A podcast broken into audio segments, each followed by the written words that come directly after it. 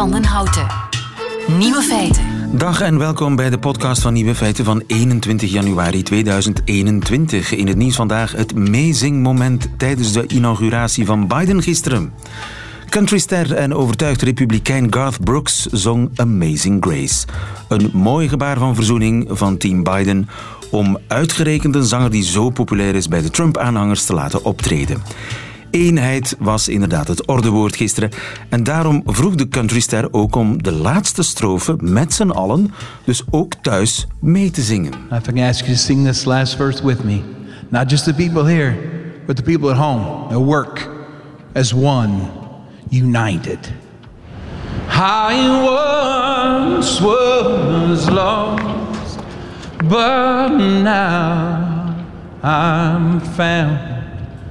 Was blind, but now I see. I once was lost, but now I'm found. Was blind, but now I see. Ik was verblind, maar nu zie ik het helder. Zinnen die wellicht door miljoenen Trump-aanhangers voor de televisie thuis zijn meegezongen. Slimme zet van Team Biden, maar zou Garth het beseft hebben wat hij aan het doen was? De andere nieuwe feiten vandaag. Veel QAnon-aanhangers hadden verwacht dat Trump gisteren Biden zou arresteren. Kankercellen kunnen in winterslaap gaan om de chemo te overleven. Navalny onthult het geheime Versailles van Vladimir Poetin. En er zijn vissen met en zonder wilskracht. De nieuwe feiten van Jovan Castiel hoort u in haar middagjournaal. Veel plezier. Altijd benieuwd.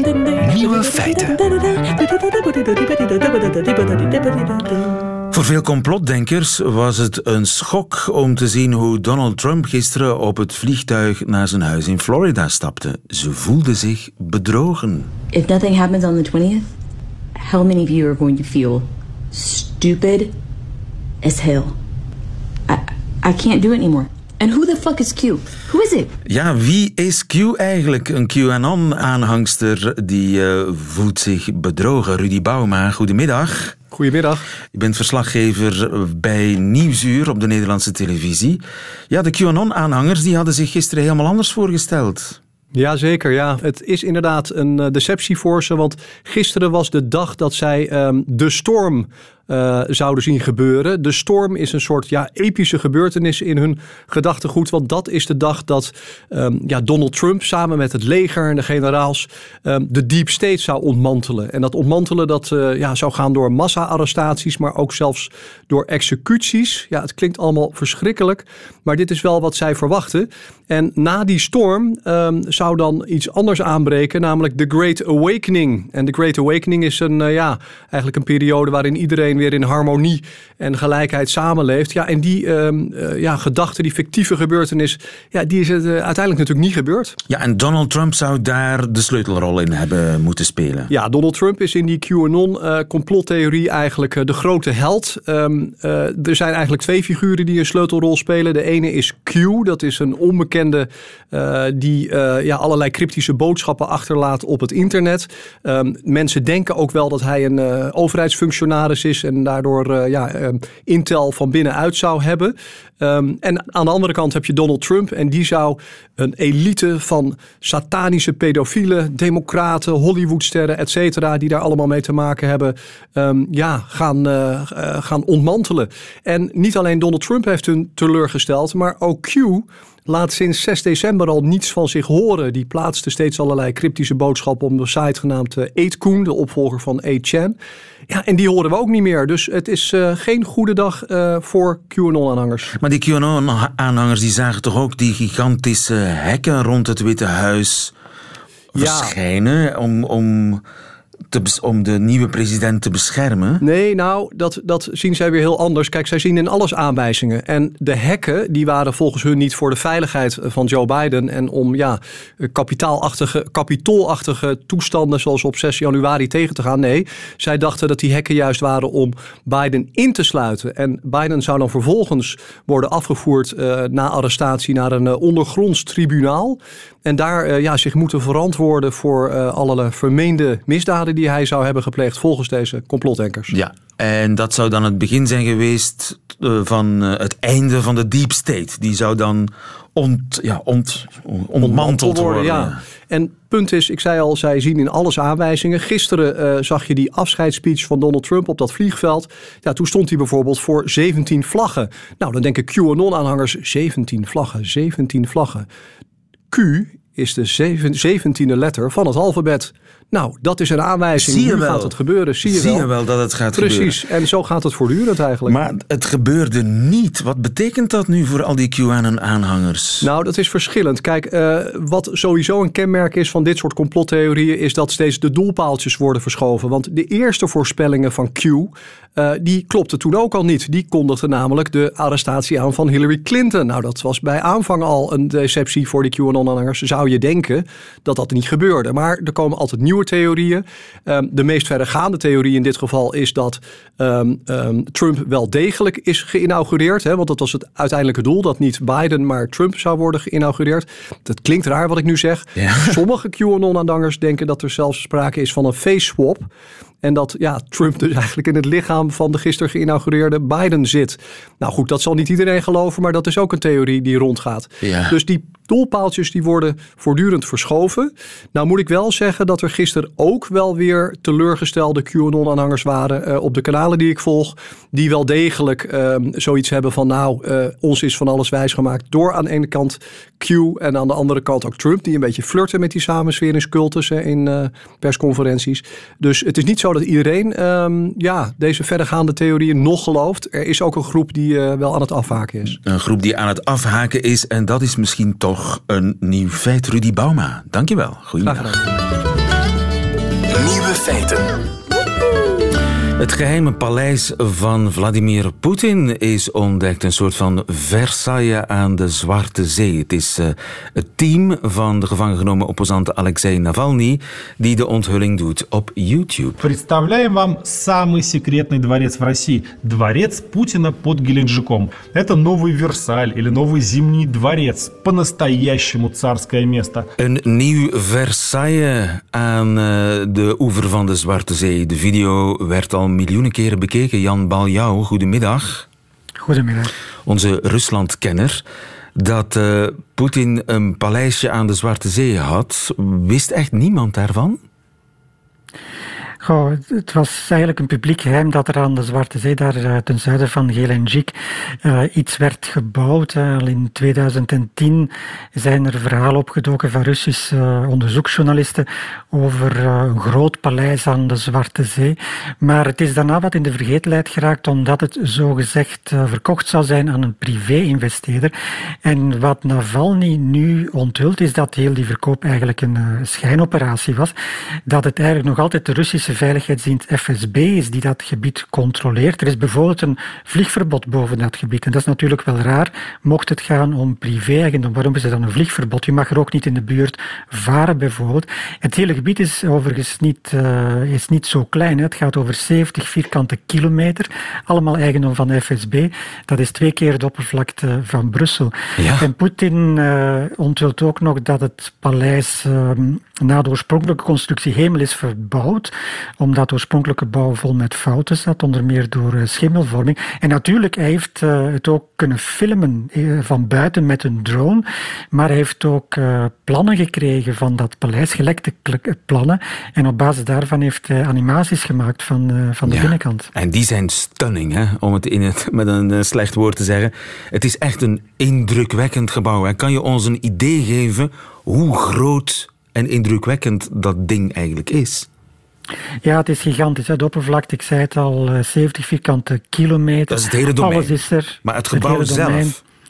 Het gebouw zelf, er zijn verschillende gebouwen. Je hebt het, het paleis, hè, dat is volgens eh, Navalny het grootste paleis in Rusland, met 17.000 bewoonbare vierkante meters. Eh, alles is daar, eh, casino, theater, concertzaal. Maar je ziet bijvoorbeeld ook dat er een eh, helihaven is. En in de buurt van die helihaven is een ondergronds hockeystadion gebouwd. Want we weten dat Poetin graag ijshockey speelt. Maar dat is niet alles. Hè. Het, het, het hele paleis staat op een berg, op een klif. Dat heeft geen toegang tot het strand. En daarom zien we op de plannen die Navalny vrijgeeft dat er een tunnel gebouwd is om dat strand te bereiken. Er is zelfs een tweede tunnel die uitgeeft op een soort verborgen balkon waar dat je dan uh, eventueel bij een glaasje wijn een mooi zicht hebt over de zee. En op de dronebeelden is ook nog te zien dat er bijvoorbeeld een serre is gebouwd van maar liefst 2500 vierkante meter voor exotische planten. Er is een gigantische brug gebouwd om een theehuis te bereiken voor gasten. Ook dat is 2500 uh, vierkante meter. Je ziet een amfitheater uh, dat gebouwd wordt, iets waarover ik al verschillende keer opnieuw aan begonnen is. Dus, dus echt gigantische afmetingen. Enig idee wat die grap gekost heeft? Het is uh, volgens Navalny een, uh, iets dat uh, ja, boven het miljard zou lopen. Dus ook op dat vlak. in euro uitgedrukt. In, miljard euro, ja, 100 miljard roebel, dus iets meer dan een miljard euro. Dus ook op dat vlak lopen de kosten gigantisch op. Ja, dus een echt koninklijk paleis voor een zonnekoning. Versailles, het woord is in die video gevallen. Dat woord is niet misplaatst. Eh, miljoenen keren bekeken door Russen. Ja, dit is een nieuw politiek feit natuurlijk.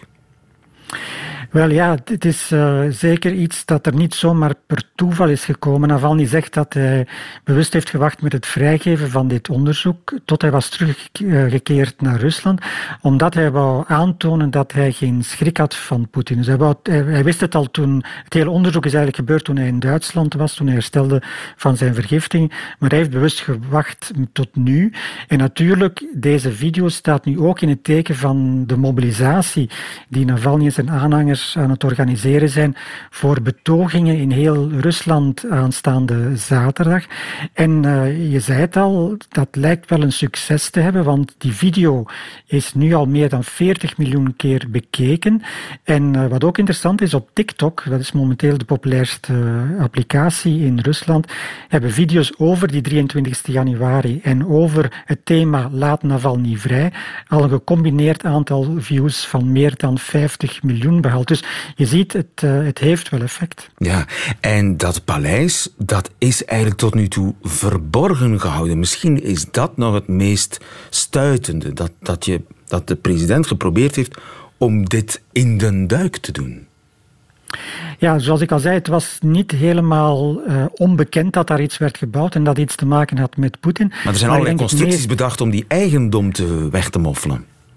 Voilà, ik denk dat dat het meest schadelijke beschuldiging is voor Poetin. Eigenlijk wil Navalny aantonen dat Poetin aan het hoofd staat van een gigantisch corruptieschema in Rusland, waarbij goede vrienden de kans geeft om Rusland leeg te roven en in ruil verwacht dat ze hem dan belonen, uh, onder meer met de bouw van dit paleis, zodanig dat hij zeker is, mocht hij geen president meer zijn, dat hij een plaats heeft om uh, veilig te verblijven. Dus volgens Navalny zou dit hele project gefinancierd zijn door dus de, de, de vrienden van de president, de entourage van de president, onder meer de baas van Rosneft, uh, Igor Sechin, en uh, Gennady Temchenko, een andere zakenman. En wat ook heel duidelijk is, die, al die namen die gaan terug naar de periode dat Poetin nog niet zo bekend was. Bijvoorbeeld Sechin en Timchenko werkten in het kabinet van uh, de burgemeester van uh, Sint-Petersburg, uh, Sobchak, waar ook Poetin werkte.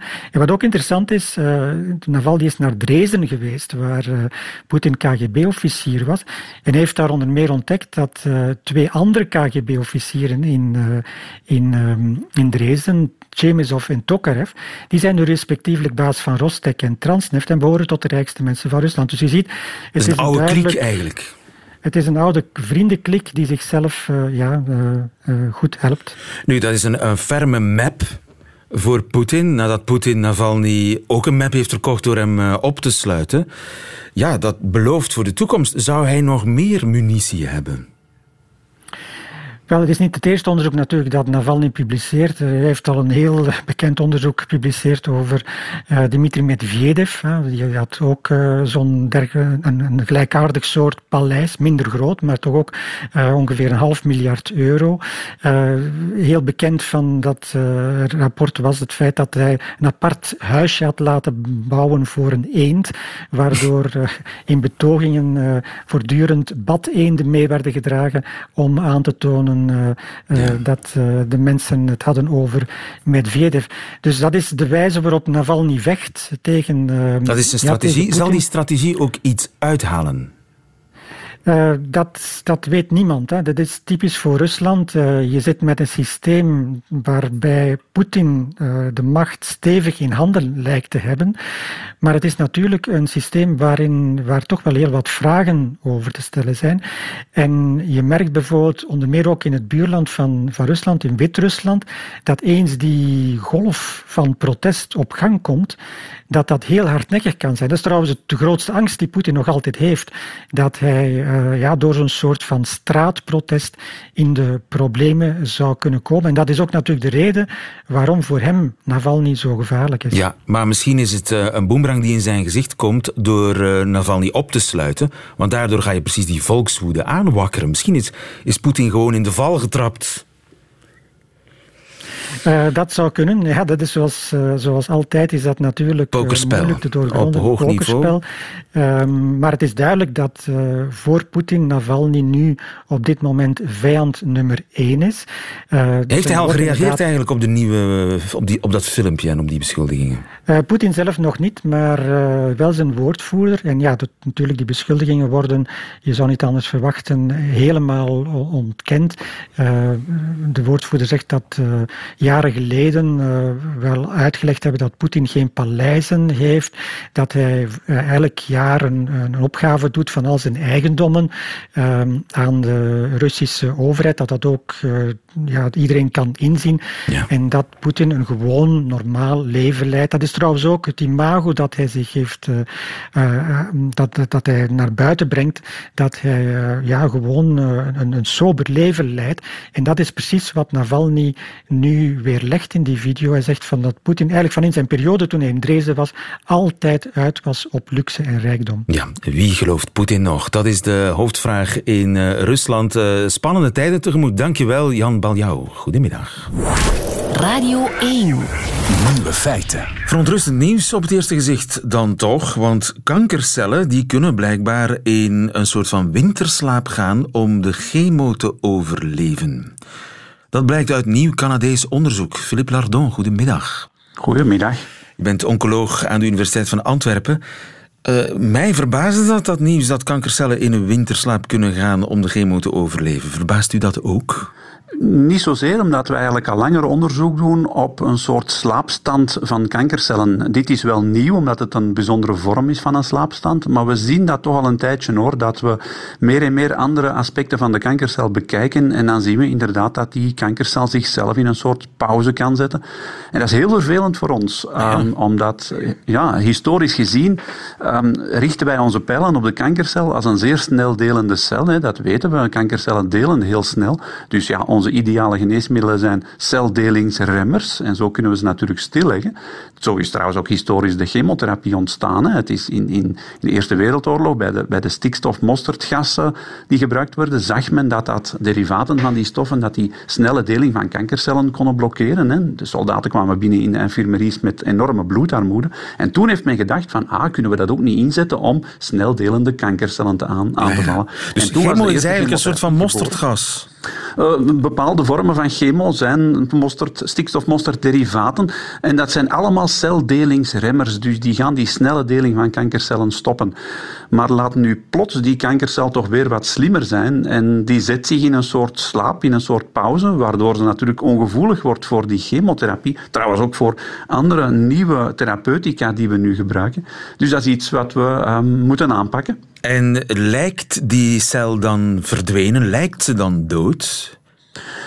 Um, ze zal zich heel stil ergens in een hoekje verschuilen, zodanig dat ze eigenlijk niet wordt aangevallen door die celdelingsremmer, door die chemotherapeutica. Um, en ze zal dan plots terug opflakkeren als die chemotherapie verdwenen is. Ja. En dat, uh, dat, is een heel vervelend zaak. Nu, dus en verklaart dat ook waarom mensen zogezegd hervallen na chemo? Ja, dat wou ik net zeggen. Er is nog een ander aspect, dat zijn de kankerstamcellen. Dat is ook een, een nieuw item. We zien meer en meer bepaalde cellen in de tumor die zich gedragen als een stamcel. En een stamcel is een heel vroege cel en die kan zich ook stilleggen. En die kan zich voor heel lange tijd stilleggen. En dat zou kunnen verklaren waarom patiënten na een schijnbare genezing, na verloop van jaren, toch plots terug tumorweefsel doen, doen, ja, doen ontstaan, omdat die eigenlijk uit hun slaap komen, die komen uit hun rust, uit hun pauze. Ja, dus dat klinkt allemaal heel verontrustend. Ja, wel verontrustend. Ik zeg altijd, die kankercel is slim, maar wij kankeronderzoekers moeten slimmer zijn. Dus wij moeten dat nu aanpakken. Wij moeten ten eerste onze pijlen richten op iets anders dan die snelle deling. En gelukkig hebben we daar de tools voor. We weten ondertussen zoveel meer van de kankercel dat we ook wel andere pijlen kunnen richten. En ten tweede moeten we ook onderzoeken hoe we die cel uit die slaapstand kunnen houden. hoe we ervoor kunnen zorgen dat ze niet in die slaapstand kan. Ah. Door bijvoorbeeld bepaalde genetische manipulatie. Um, en is dat al mogelijk? Of is dat verre toekomst? Dat is nog geen verre, verre toekomst, is dat niet. Maar, het, maar uh, we, bekijken meer en meer alle pathways, noemen we dat dan. Alle wegen die de kankercel intern gaan volgen. En ook deze weg wordt blootgelegd. En we zullen dat mechanisme wel achterhalen, zodanig dat we ervoor kunnen zorgen dat die kankercel zich niet kan verschuilen voor onze geneesmiddelen. Maar het, is een, ja, het blijft een soort kat-en-muisspel hè, dat wij spelen met die kankercel. En wij katten zullen die muis wel vangen, hoor. We zitten die kankercel echt op de hielen. Uh, maar je ziet af en en toe loopt ze nog iets verder voor ons uit. Het is echt een, een constante wapenwedloop. Dat is eigenlijk zo. Ja, ja. En, en constant vinden wij nieuwe zaken. En goed maar, dankzij de biotechnologische en technologische ontwikkelingen weten wij ondertussen zoveel meer van die kankercel. Um, en dat brengt ons tot die nieuwe therapeutica waar we nu mee bezig zijn. En daarvoor spel ik ook een enorme mooie toekomst mee. We kunnen op dit moment 60, 65 procent van de kankerpatiënten genezen. Ik voorspel dat we binnen dit en tien jaar uh, hopelijk naar 80 procent gaan uh, patiënten die we op zijn minst chronisch kunnen behandelen. Over tien jaar al? Ik, uh, ja, ik denk dat wel. Ja. De, de, het, het gaat aan een hoog tempo op dit moment. Um, we vinden dankzij de biotechnologie veel meer van die kankercel om onze pijlen op te richten. En niet enkel die snelle deling. We hebben heel wat andere tools op dit moment. Maar kankers zijn heel hardnekkig en heel slim. Uh, en weerstaan therapie, vinden nieuwe wapens tegen therapie. Geldt dat bijvoorbeeld ook voor de immuuntherapie? Ja, dat is nog een, een, een feit. Hè. Dus onze immuuntherapie, waar we heel veel verwachten van de toekomst, en dat blijven we ook veel verwachten, maar ook daar zien we dat er een bepaalde resistentie optreedt. Kankercellen kunnen zich als het ware ook gaan verschuilen voor onze afweersysteemcellen. Dat zien we bijvoorbeeld bij pancreas. Pancreaskanker, u weet, dat is een, een, een tumortype wat we heel slecht kunnen behandelen. En vroeger eh, richten we ons enkel op die pancreaskankercel. Hoe gaan we die aanvallen? Maar vandaag uh, hebben we ons, ons vizier eigenlijk fel vergroot en we bekijken ook de omgeving van die pancreaskankercel.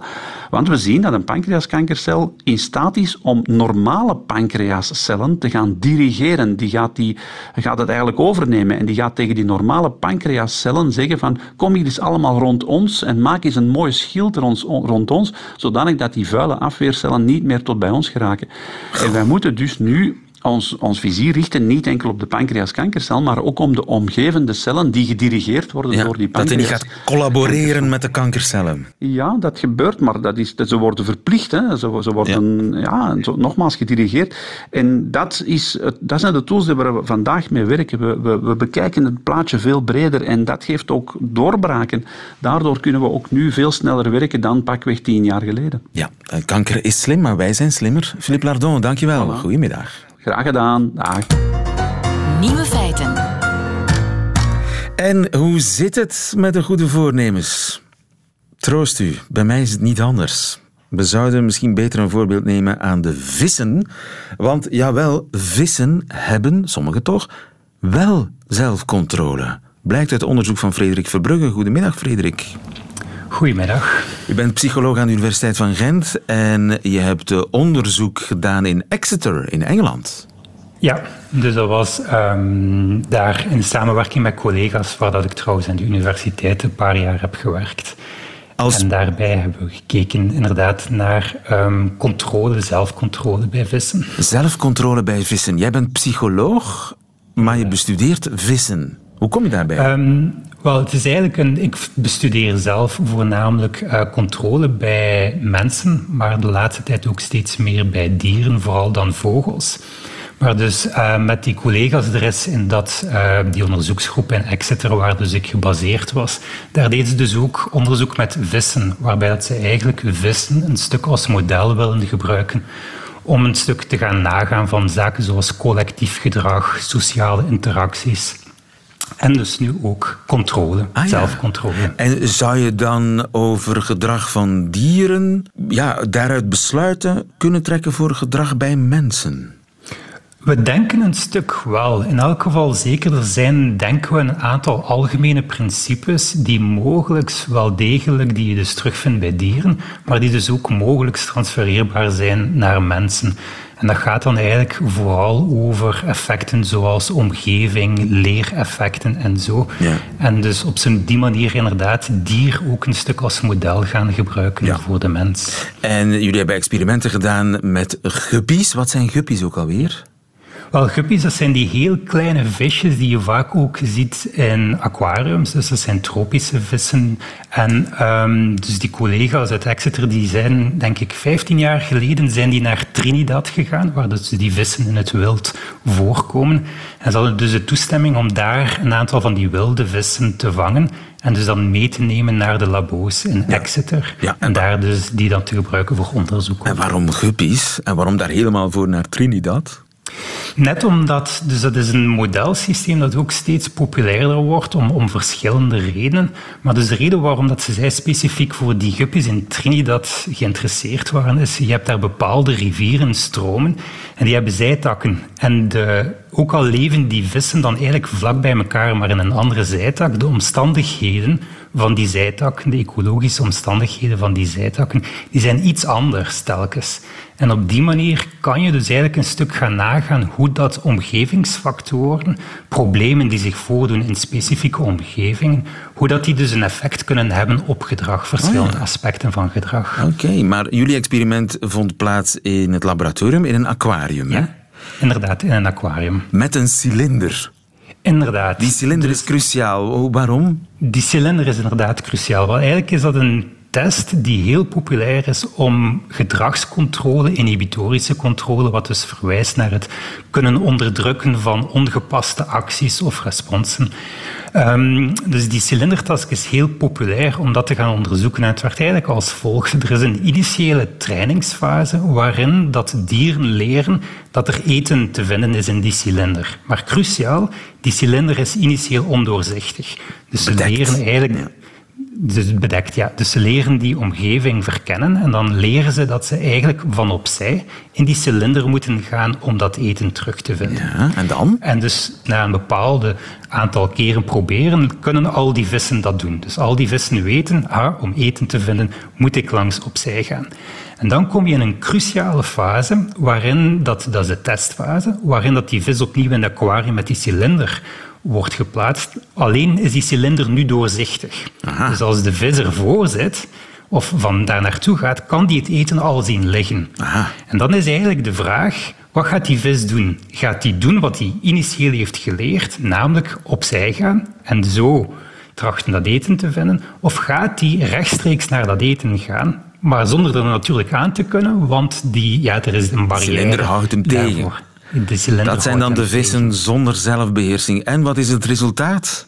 Wel, het resultaat was eigenlijk dat we dus ehm, heel grote verschillen vonden tussen vissen. Aha. Dus je had vissen die er in tien keer, tien pogingen nooit in geslaagd zijn om die reactie te onderdrukken, om rechtstreeks voor, die, ehm, voor dat eten te gaan. Dus die bleven maar op die cilinder botsen. Dat waren En vissen zonder ander- impulscontrole. Zonder controle, Ja. ja. En dan had je andere vissen die eigenlijk op meer dan de helft van de trials dat wel degelijk goed konden doen. Dus het En dus- verschilt van de individu tot individu. Inderdaad. Dus we wisten al dat er heel grote verschillen zijn tussen soorten, verschillende diersoorten. Dus de ene diersoort is al beter in die taak dan aan andere diersoorten. Maar nu zien we dus ook dat binnen soorten daar ook gigantische individuele verschillen in zijn. Net zoals bij mensen trouwens. Er zijn gelijkaardige taken die we doen in ons labo dan ook met mensen. En ook daar zie je heel grote verschillen Ja. tussen individuen. En dan rijst natuurlijk de cruciale vraag: ligt dat aan de omgevingsfactoren of ligt dat aan ja, het DNA, bij wijze van spreken? Het is een combinatie van de twee. Dus we Dat weet weten, je, dat weet je. Wel, we weten al over soorten heen dat er dus ongeveer, denken we voor die specifieke taken en situaties, dat ongeveer 50% min of meer eh, van individuele verschillen zijn te wijten aan genetische factoren. Dat is over verschillende studies heen, komen we meestal ongeveer op dat percentage uit. Maar dat betekent dus dat we nog een groot stuk, dus dat die genetische factoren zeker niet alles kunnen gaan verklaren. En welke omstandigheden zouden groepjes ertoe kunnen brengen om geen zelfcontrole te hebben? Wel, een van de factoren die daar bijvoorbeeld een rol in kan spelen, is de omgeving. En dan voornamelijk denken we aan de stabiliteit van de omgeving. Namelijk in heel stabiele omgevingen is het meestal voordeliger om toch iets meer impulscontrole te hebben, iets meer te wachten, iets voorzichtiger te zijn, want het is vrij voorspelbaar wat er zich zal voordoen. Terwijl als je in meer onstabiele omgevingen zit, waar dat het niet altijd duidelijk is wanneer dat er voedsel bijvoorbeeld beschikbaar zal zijn, kan het voordeliger zijn om toch af en toe impulsiever te reageren. Ja, ja. Dus dat is een van de hypotheses. Een van de hypotheses. En dat zou eventueel zelfs op mensen kunnen toepasbaar zijn. Dat mensen uh, vanuit zou... een soort ja, angstige, onstabiele situatie een gebrek aan zelfcontrole ontwikkelen. Inderdaad, dus zeker als het op impulsiviteit gaat, wordt steeds vaker die link gelegd toch ook naar um, de stabiliteit van omgevingen. En mogelijk kan dit zelfs dan een gedeeltelijke verklaring geven waarom dat bijvoorbeeld bepaalde correlaties die je ziet tussen sociaal-economische status en impulscontrole en andere aspecten van controlerend gedrag, waarom dat die correlaties daar zijn, omdat het soms in onstabiele omgevingen beter is om toch sneller impulsiever te zijn. Ja, we lijken op vissen. Inderdaad. Frederik Verbruggen, dankjewel. Goedemiddag. Oké, okay. ja, dag. Radio 1. Nieuwe feiten. Dat waren ze, de nieuwe feiten van 21 januari 2021. Alleen nog die van de in de Vlaamse Ardennen wonende Amerikaanse comedienne Jovan Castiel krijgt u in haar middagjournaal. Nieuwe feiten. Middagjournaal. Goedemiddag. In de tien maanden van lockdown heb ik meer tijd dan ooit doorgebracht met mijn echtgenoot. Door zoveel tijd samen door te brengen, dag na dag na dag, kan ik nu een heel gedetailleerde lijst maken van alle dingen die hij doet die me irriteren. Eervolle vermeldingen gaan naar het feit dat hij nooit de dop of deksel van alles terug erop doet, hoe emotioneel hij wordt als hij verliest met Monopoly en hoe hij tegen zichzelf praat als hij onder de douche staat. Maar na al mijn research van de laatste maanden gaat de prijs voor het meest irritante ding dat mijn man doet naar wat hij met zijn vuile sokken doet. Het aantal vuile sokken dat ik in ons huis vind is niet normaal. Na tien maanden corona merk ik dat er overal sokken van mijn echtgenoot te vinden zijn. Hoeveel sokken heeft die man? En hoeveel keer per dag moet hij nieuwe sokken aandoen? En wat is er zo dringend dat je je sokken plots uit moet doen in de garage of op de trap? En wat is er in de keuken gebeurd dat je plots daar je vuile sokken uit moet doen en ze niet op de vloer, maar wel op het aanrecht gooit? Ik wilde graag eens testen wat er zou gebeuren als ik die sokken niet pakte en naar de wasmand bracht. Het leek er snel op dat als ik die sokken niet opruimde, dat de stapels van sokken zouden groeien, totdat het moeilijk zou worden om de meubelen te zien, er minder licht door de vensters zou komen en ik niet zou durven om de keuken te gebruiken, want het zou gevaarlijk zijn om iets op het vuur te zetten zo dicht bij de meters hoge stapels van brandbaar katoen. Dus in de naam van het algemeen fatsoen besliste ik om het experiment niet te doen. Er was een tijd dat ik me afvroeg hoe bedrijven die sokken maken ooit winst konden maken, want ik dacht dat iedereen ter wereld maar een eindig aantal sokken nodig had. Blijkbaar niet. Ik moet gewoon aannemen dat dit een van de dingen in het universum is die ik nooit zal begrijpen. Tot morgen!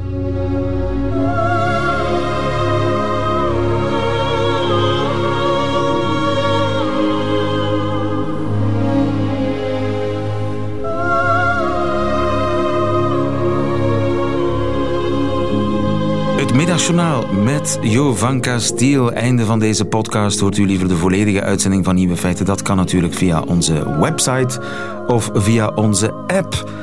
App en website van Radio 1, waar u overigens nog veel meer fijne podcasts vindt. Tot een volgende keer.